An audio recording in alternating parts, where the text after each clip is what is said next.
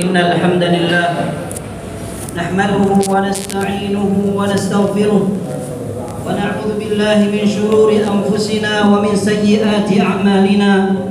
من يهد الله فلا مضل له ومن يضلل فلا هادي له وأشهد أن لا إله إلا الله وحده لا شريك له وأشهد أن محمدا عبده ورسوله صلى الله وسلم وبارك عليه وعلى آله وأصحابه ومن تبع هداه إلى يوم القيامة. يا أيها الذين آمنوا اتقوا الله حق تقاته ولا تموتن إلا وأنتم مسلمون. يا أيها الناس اتقوا ربكم الذي خلقكم من نفس واحدة وخلق منها زوجها وبث منهما رجالا كثيرا ونساء. واتقوا الله الذي تساءلون به والأرحام. إن الله كان عليكم رقيبا. يا أيها الذين آمنوا اتقوا الله وقولوا قولا سديدا. يصلح لكم أعمالكم ويغفر لكم ذنوبكم ومن يطع الله ورسوله فقد فاز فوزا عظيما. فإن أصدق الحديث كتاب الله وخير الهدي هدي محمد صلى الله عليه وسلم وشر الأمور محدثاتها فإن كل محدثة بدعة وكل بدعة ضلالة وكل ضلالة في النار. أما بعد سيدنا جمعه رحمنا ورحمكم الله. Al-Imam Al-Khatib Al-Baghdadi rahimahullah. Dalam kitab beliau Ar-Rihlatu fi Talabil Hadis beliau menyebutkan kisah perjalanan Jabir bin Abdullah radhiyallahu anhuma. Beliau melakukan perjalanan untuk mencari sebuah hadis yang pernah didengar oleh sahabat lain yang tidak ada yang mendengar selain beliau radhiyallahu anhuma. Perjalanan ini diriwayatkan dalam sebuah jalan menuju daerah Syam. Dalam riwayat yang lain, beliau melakukan perjalanan ke daerah Mesir. Beliau katakan bahwa Jabir bin Abdullah radhiyallahu anhu mengatakan, "Sami'tu aw balaghani an rajulin min ashabi Rasulillah sallallahu alaihi wasallam hadithun sami'ahu min Rasulillah sallallahu alaihi wasallam lam asma'hu." Aku pernah mendengar sebuah hadis yang didengar oleh satu orang sahabat Nabi radhiyallahu an sallallahu alaihi wasallam yang aku pernah aku belum pernah mendengarnya. Fabta'tu ba'iran wa shaddadtu alaihi rahli thumma sirtu ilaihi shahra hatta ataitu Syam. Maka aku segera membeli sebuah kendaraan. Kemudian aku persiapkan kendaraan itu. Lalu aku melakukan perjalanan selama satu bulan. Hingga aku mendatangi daerah Syam. Fa'idha Abdullah bin Unais al-Ansari radhiyallahu an maka aku jumpai seorang sahabat itu yang bernama Abdullah bin Unais radhiyallahu an. Maka aku katakan, arsaltu ilaih fa akhbirhu anna Jabiran 'inda al-bab. Katakan bahwa Jabir bin Abdullah telah datang sampai ke pintu engkau. Faraja'a ilayya Rasul, faqala Jabir bin Abdullah maka dia kembali kemudian mengatakan apakah yang dimaksud adalah Jabir bin Abdullah faqultu na'am faraja'a ilayya fakharaja ilayya Abdullah bin Unais fa'tanaqani fa'tanaqtuhu maka Abdullah bin Unais kemudian keluar menemuiku maka aku memeluknya dan dia memelukku kemudian aku segera mengatakan hadithun sami'tuhu aw balagani anka sami'tahu min Rasulillah sallallahu alaihi wasallam sami'tahu wa lam asma'hu fa khashitu an tamuta aw amut maka aku segera mengatakan sebuah hadis yang aku pernah dengar engkau mendengarnya dari Rasulullah Shallallahu Alaihi Wasallam dan aku belum mendengarnya. Aku khawatir aku mati atau engkau mati? Sementara aku belum mendengarnya dari engkau langsung. Bahwa hadis itu telah diriwayatkan dari Rasul Shallallahu Alaihi Wasallam maka sahabat Abdullah bin Unais radhiyallahu anhu mengatakan sami'tu Rasulullah sallallahu alaihi wasallam yaqul aku mendengar Rasulullah sallallahu alaihi wasallam bersabda yahsyurullahu al-'abd dalam riwayat dikatakan yahsyurullahu an-nasa yaumal qiyamati hufatan 'uratan buhma Rasulullah sallallahu alaihi wasallam menyatakan pada hari kiamat semua manusia dan semua hamba akan Allah kumpulkan dalam keadaan tidak menggunakan pakaian, dalam keadaan tidak berkhitan dan dalam keadaan buhma. Qulna ma buhman ya Rasulullah? Yang dikatakan buhman apa? Maka Rasulullah sallallahu alaihi wasallam mengatakan laisa ma'ahum syai. Mereka tidak membawa apa-apa. Kemudian dalam hadis dikatakan fayunadi bi sautin yasma'uhu man ba'uda kama yasma'uhu man qarab. Kemudian Allah Azza wa Jalla akan memerintahkan, akan menyeru dengan suara yang didengarkan oleh orang yang jauh sebagaimana didengar oleh orang yang dekat. Kemudian Rasulullah sallallahu alaihi wasallam menyatakan bahwa Allah Azza wa Jalla berfirman, "Anal Malik, Anad Dayyan, akulah raja, akulah yang akan memberikan keputusan, aku yang paling kuat dan semua akan melewati pertanggungjawaban." Kemudian Allah Azza wa Jalla mengatakan, "Walaysa li ahadin min ahli al-jannah an yadkhula al-jannata wa ahadun min ahli an-nar yatlubuhu bimadlimah, walaysa li ahli an-nar an yadkhula an-nar wa ahadun min ahli al-jannati yatlubuhu bimadlimah hatta latmah." tidak berhak seorang penduduk neraka akan masuk neraka sementara dia masih memiliki satu urusan yang belum diselesaikan dengan seorang penduduk surga. Demikian sebaliknya tidak layak seorang penduduk surga masuk surga sementara dia masih memiliki sebuah urusan yang belum diselesaikan dengan seorang penduduk neraka sampai pun sebuah tamparan di, muka kemudian para sahabat bertanya kaifa huwa ya Rasulullah? Ataina Allah azza wa jalla uratan hufatan buhma. Kita akan menemui Allah Subhanahu wa taala dengan keadaan seperti itu. Maka Rasulullah sallallahu alaihi wasallam menyatakan bil hasanati was sayyiat. Pada hari itu mereka semua akan mendatangi Allah Subhanahu wa taala hanya akan membawa dua laporan amal baik atau amal buruk hadis ini merupakan hadis yang sahih disebutkan di dalam sahih Bukhari dan Muslim akan tetapi Al-Khatib Al-Baghdadi rahimahullah beliau menyebutkan pembahasan ini dalam perjuangan dan pengorbanan seorang sahabat ketika beliau ingin menanyakan sebuah hadis yang belum pernah didengarkan dari Rasulullah SAW langsung. Beliau tahu bahwa hadis itu didengarkan oleh seorang sahabat lain yang pernah meriwayatkan langsung dari Rasulullah SAW sehingga beliau melakukan perjalanan selama satu bulan untuk mendapatkan satu hadis bukan yang belum pernah beliau dengar sama sekali. Akan tapi beliau belum pernah mendengarkan hadis itu langsung dari Rasulullah SAW akan tapi dengan perantara. Dan ada hadis lain yang juga disebutkan oleh Al-Khatib Al-Baghdadi rahimahullah beliau menyebutkan kisah dari sahabat Abi Ayyub Al-Ansari yang safar menuju ke daerah Mesir untuk menemui seorang sahabat yang bernama Uqbah bin Amir radhiyallahu anhum ajma'in. Hadis ini sudah didengar oleh Abu Ayyub akan tetapi beliau ingin melakukan perjalanan untuk betul-betul mendapatkan keyakinan bahwa hadis Rasulullah SAW tersebut pernah didengar oleh sahabat yang lain. Disebutkan pula oleh Al-Khatib Al-Baghdadi rahimahullah taala bahwa Abu Ayyub Al-Ansari kharaja ila Uqbah bin Amir wa huwa bi Misr. Beliau melakukan perjalanan untuk menuju ke daerah Mesir.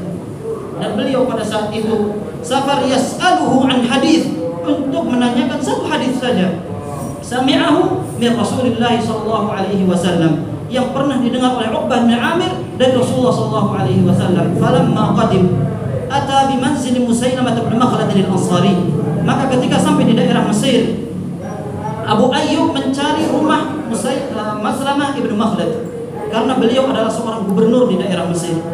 Kemudian ketika dikhabari bahwa Abu Ayyub datang, seorang sahabat Nabi yang pernah mendengarkan hadis dari Rasulullah SAW Alaihi Wasallam ketika bertemu dengan kawan lama seorang sahabat yang sama-sama menimba ilmu dari Rasulullah SAW Alaihi Wasallam maka Musailam Maslamah ibn Makhlad al Ansari segera datang segera menyambutnya kemudian beliau mengatakan Maja abika ya Aba Ayyub. Apa yang membuat engkau datang ke, ke kemari? Maka beliau mengatakan hadithun sami'tuhu min Rasulillah sallallahu alaihi wasallam. Lam yabqa ahadun sami'ahu min Rasulillah sallallahu alaihi wasallam ghairi wa ghairu Uqbah. Fab'ath man yadulluni ala manzil Uqbah bin Amir.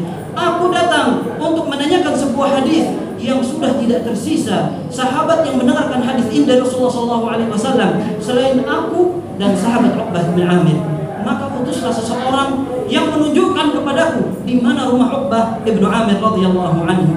Faba'atha ma'ahu man yadulluhu ala manzil Uqbah bin Amir. Maka segera diutus seorang yang menemani beliau untuk bertemu dengan Uqbah bin Amir. Fa bihi Uqbah fa'ajila bihi fa kharaja ilaih. Maka segera setelah mendengarkan berita itu, Uqbah bin Amir datang menyambut. Kemudian beliau juga bertanya dengan pertanyaan yang sama. Ma ja'a bika ya Aba Ayyub? Apa yang membuat kau datang ke tempat yang jauh ini?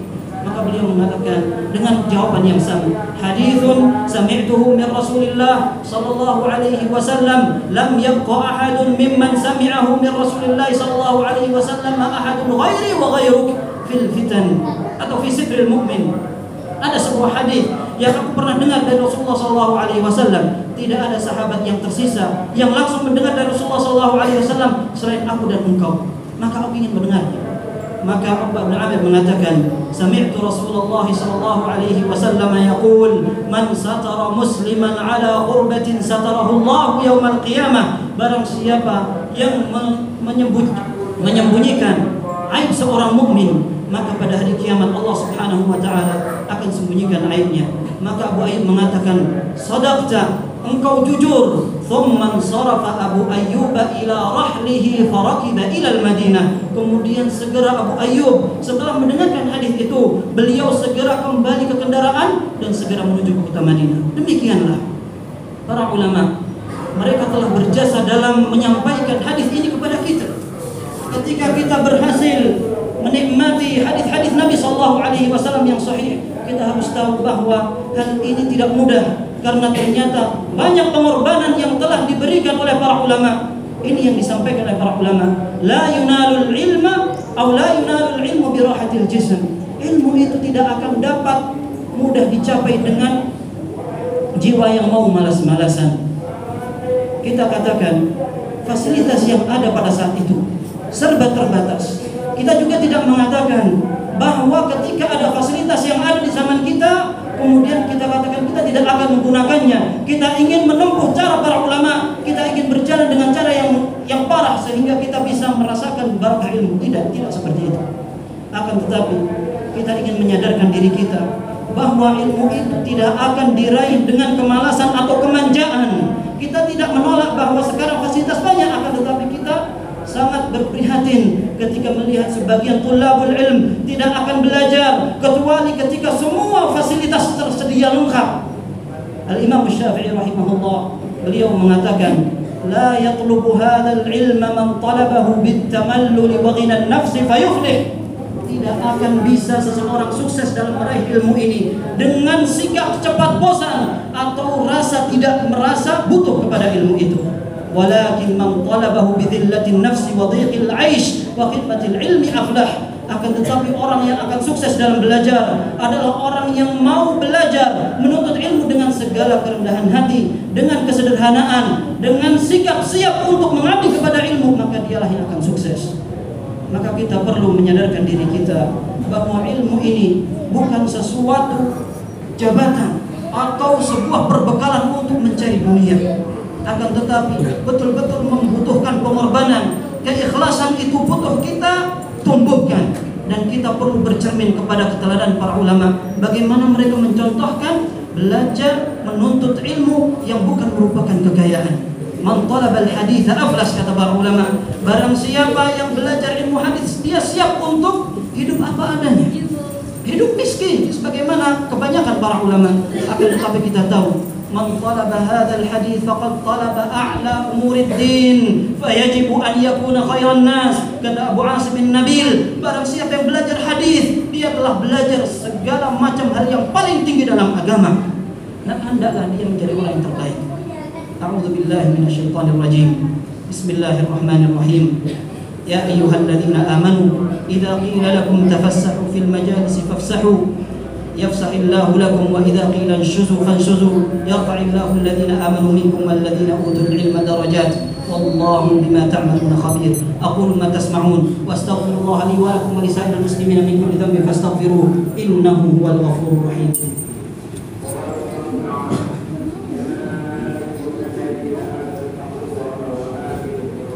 الحمد لله رب العالمين.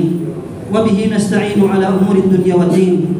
والصلاة والسلام على أشرف الأنبياء والمرسلين نبينا محمد وعلى آله وأصحابه والتابعين ومن تبعهم بإحسان إلى يوم الدين أما بعد إخوة sekalian jamaah sidang Jumat rahimana wa rahimakumullah berbicara berbicara tentang talabul ilm kita sering mendengarkan bahwa banyak hal yang harus kita terapkan ikhlas sabar belajar dari ahlinya dan itu semua merupakan sesuatu yang sudah banyak kita ketahui akan tetapi ada beberapa hal yang perlu kita ingatkan bersama. Di antaranya dua poin yang selain kita bahas pada khutbah pertama bahwa seorang perlu untuk menyiapkan diri berhidup apa adanya, siap mengorbankan dan siap berjuang untuk mempertahankan ilmu sebelum kita sampaikan. Kita perlu sabar dalam uh, mencari ataupun menghafalkan serta membacanya. Hal yang penting yang harus kita pahami adalah seorang talibul ilm perlu menjaga hubungan antara dirinya dengan Allah Azza wa Jalla. Ilmu dan amal adalah dua sisi mata uang yang tidak bisa dipisahkan. Bahkan ketika seseorang bangga dengan hafalannya, bangga dengan ilmunya, bangga dengan pengalaman dan juga jasa-jasa maupun tulisannya, sementara dia jauh dari kedekatan kepada Allah Subhanahu wa taala, hakikatnya justru ilmunya tidak mendekatkan diri, tidak bermanfaat untuk akhiratnya. Innamal ilmu khasyah kata Abdullah Mas'ud radhiyallahu anhu. Hakikat ilmu adalah rasa takut kepada Allah Subhanahu wa taala. Al Imam Az-Zahabi rahimahullah ketika beliau ditanya tentang mana yang lebih utama, salatun nafilah, salat sunnah atau tasbih atau tilawah, mana yang lebih utama dengan talabul ilm. Banyak para ulama mereka mengatakan bahwa talabul ilm lebih afdal daripada ibadah-ibadah yang sunnah. Akan tapi Al-Dhahabi rahimahullah dalam Syiar Alamin mengatakan perkataan yang bijak sekali. Beliau katakan hadhihi mas'alatun mukhtalafun fiha. Ini memang diperdebatkan. Berbeda pendapat banyak ulama dalam membahas ini. Walakin man kana mukhlishan lillahi fi talabil ilm. Akan tetapi orang yang berhasil menerapkan ikhlas kepada Allah dalam belajar wa dhihnuhu jayyid dan dia memiliki otak yang encer otak yang pandai dan cerdas. Fal ilmu aula. Maka ilmu merupakan hal ibadah yang lebih utama. Walakin ma'ahadzin min ta'abbudin wa salat akan tetapi harus diimbangi dengan salat diimbangi dengan ibadah kepada Allah Subhanahu wa taala. Fa in ra'aitahu mujiddan fi talabil ilm la haddalahu fil qurbat akan tetapi jika engkau melihat ada seorang talibul ilm dia semangat dalam belajar. Akan tetapi tidak memiliki jatah bagian dalam ibadah kepada Allah. Fahada kaslanun mahin. Hakikatnya orang ini adalah seorang pemalas yang terhina. Walaysa huwa bisadiqin fi husni niyyati. Dan dia tidak jujur dalam niatnya kepada Allah Subhanahu wa taala. Dan kita sering mendengar bahwa para ulama adalah orang yang menjadi teladan dalam ibadah kepada Allah Subhanahu wa taala. Dalam biografi para ulama disebutkan dalam Syiar Alamin Nubala bahwa ya, uh, Al-Waqi' bin Jarrah Ar-Ru'asi rahimahullah beliau mengatakan kana al-A'mash Sulaiman bin Mihran qariban min 70 sana lam tafuthu takbiratul ula. Al-A'mash seorang ahli hadis yang tegas dan kuat hafalannya keimamannya tidak dilakukan lagi. Ternyata beliau selama 70 tahun tidak pernah ketinggalan takbiratul ula takbiratul ihram bersama imam. Bahkan Ibrahim bin Yazid an-Nakhai Beliau mengatakan, "Idza ra'aita ar-rajula yatahawanu fi takbiratil ula, faghsil yadaka minhu." Apabila engkau melihat seorang imam, seorang guru, seorang pembawa ilmu, ternyata dia terlalu meremehkan takbiratul ihram bersama imam, faghsil yadaka minhu. Engkau tidak perlu belajar dari dia. Syu'bah bin Hajjaj rahimahullah Beliau pernah melihat seorang rawi Yusalli walam yakum salataha dia melihat ada seorang yang bernama Ubaid ibnu Yahya At-Taimi. Ketika sholat ternyata sholatnya tidak sempurna. Fataraktu hadithahu maka aku tinggalkan hadisnya. Aku tidak mau belajar dari orang apabila telah, menyia-nyiakan sholatnya bagaimana dia akan memperhatikan ilmu yang dia sampaikan? Dan ini hendaknya menjadi perhatian seorang talibul ilmu perbaiki hubungan dengan Allah Subhanahu wa taala. Dan Imam Al-Zahabi juga mengingatkan beliau mengatakan innama hadzal ilm نور يقذفه Allah في القلب وشرطه الاتباع والفرار من الهوى والابتداع min al-hawa ilmu ini hakikatnya adalah sebuah cahaya yang Allah berikan kepada hati seorang hamba. Dan syarat untuk mendapatkannya adalah seorang mencontoh Rasul sallallahu alaihi wasallam dan lari dari mengikuti hawa nafsu maupun melakukan sebuah kebid'ahan. Ikhwah sekalian terakhir hal yang juga penting diperhatikan seorang talibul ilm adalah seseorang berupaya untuk menjaga kehormatannya Kita tidak lagi berbicara tentang halal wal haram. Apakah ini haram sehingga kita tidak boleh melakukannya? Akan tetapi seorang talibul ilm hendaklah menjadi contoh. Sebelum menjadi contoh orang banyak, dia perlu memperbaiki dirinya. Al-Imam Syafi'i rahimahullah, beliau mengatakan, "Man lam yasun nafsahu la yanfa'uhu ilmu." Orang yang tidak memperdulikan gerak-geriknya, dirinya, sepak terjangnya, maka ilmunya tidak akan bermanfaat untuk dirinya. Kita sering mendengar Al-Imam Syafi'i rahimahullah mengatakan, "Lau kana fi syurbil ma'il barid yaflamu syai'an min muru'ati, ma syaribtu illa harra." Seandainya minum air dingin akan dapat mencacati kehormatanku, kewibawaanku, niscaya aku tidak akan minum selain air yang panas. Ini kita melihat sesuatu yang mubah, akan tetapi dalam pandangan masyarakat seandainya bisa menjatuhkan kehormatan seorang, talibul ilm hendaklah dia menjaga diri. Ini yang dikenal dengan khawarimul muru'ah. Sesuatu yang bisa menjatuhkan martabat seseorang. Sekalipun hal itu adalah mubah. Akan tapi para ulama perhatikan seperti ini. Dan kita mendapati para ulama mereka perhatian dengan sesuatu yang dianggap sebagai khawarimul muru'ah dan itu tergantung pada kebiasaan masyarakat. Sebagian ulama menyatakan bahwa menyelonjorkan kaki di tempat yang umum, entah di majlis maupun di pertemuan-pertemuan khalayak ramai tanpa ada sebuah kebutuhan maupun darurat maka itu merupakan khawaribul murwah. Sebagian ulama mengatakan ketika berjalan sambil banyak menoleh ke kanan dan ke kiri merupakan khawaribul murwah. Dan Ibnu Ibnu Hajar Al-Haytami menyatakan bahwa mencukur jenggot merupakan salah satu bentuk khawaribul murwah, sesuatu yang bisa menjatuhkan kehormatan dan martabat seorang talibul ilm. Maka ikhwah sekalian, ketika seorang talibul ilm belajar ilmu agama. Allah Azza wa Jalla telah muliakan dia. Dan ini yang disebutkan oleh Al-Ajurri dalam Muqaddimah Akhlaqul Ulama. Beliau katakan, orang yang Allah beri petunjuk untuk belajar, dia telah menjadi pilihan Allah di atas orang yang Allah pilih. Beliau mengatakan dalam muqaddimah, "Amma ba'du fa inna Allah 'azza wa jalla wa taqaddasat asma'u asma'uhu ikhtassa min khalqihi man ahab." fahadahum lil iman. Sungguhnya Allah Subhanahu wa taala yang maha tinggi nama dan sifatnya. Beliau memilih di antara sekian makhluknya yang ia sukai dan ia cintai. Maka Allah beri mereka petunjuk. Thumma ikhtassa min sa'iril mu'minina man ahab fatafaddala alaihim al-kitab wal hikmah وعلمهم التأويل وفضلهم على سائر المؤمنين kemudian Allah Subhanahu wa taala pilih kembali di antara orang-orang beriman sesuai yang Allah cintai mereka lalu Allah berikan mereka pemahaman terhadap Al-Quran dan hadis. Mereka pahamkan mereka menjadi paham terhadap agama. Dan Allah subhanahu wa ta'ala muliakan mereka di antara sekian banyak kaum muslimin. Ini merupakan kemuliaan maka sudah sepantasnya seorang mukmin ketika berperilaku ketika berpenampilan berpakaian bagaimana rambutnya bagaimana kukunya bagaimana bertutur kata bagaimana komentar bagaimana menulis dan bagaimana dia bersikap dengan orang-orang di sekitarnya. Gurunya kawannya orang tuanya dan juga masyarakatnya. Hendaklah dia menampilkan sosok seorang talibul ilm Imam Malik rahimahullah beliau mengatakan idza ta'allamta syai'an min ta'atillah falyura 'alaika atharu wal yadhhar fika samtu. Apabila engkau belajar tentang suatu ketaatan kepada Allah hendaklah positif dan juga buahnya terlihat pada gerak gerikmu. Semoga Allah Subhanahu wa taala senantiasa memberikan kepada kita taufiknya, memberikan kepada kita bimbingannya sehingga kita mudah untuk menerima ilmu yang bermanfaat dan mewujudkan amal yang saleh. Allahumma shalli ala Muhammad wa ala ali Muhammad kama shallaita ala Ibrahim wa ala ali Ibrahim innaka Hamidum Majid. Allahumma barik ala Muhammad wa ala ali Muhammad kama barakta ala Ibrahim wa ala ali Ibrahim innaka Hamidum Majid. Wa tasliman katsira.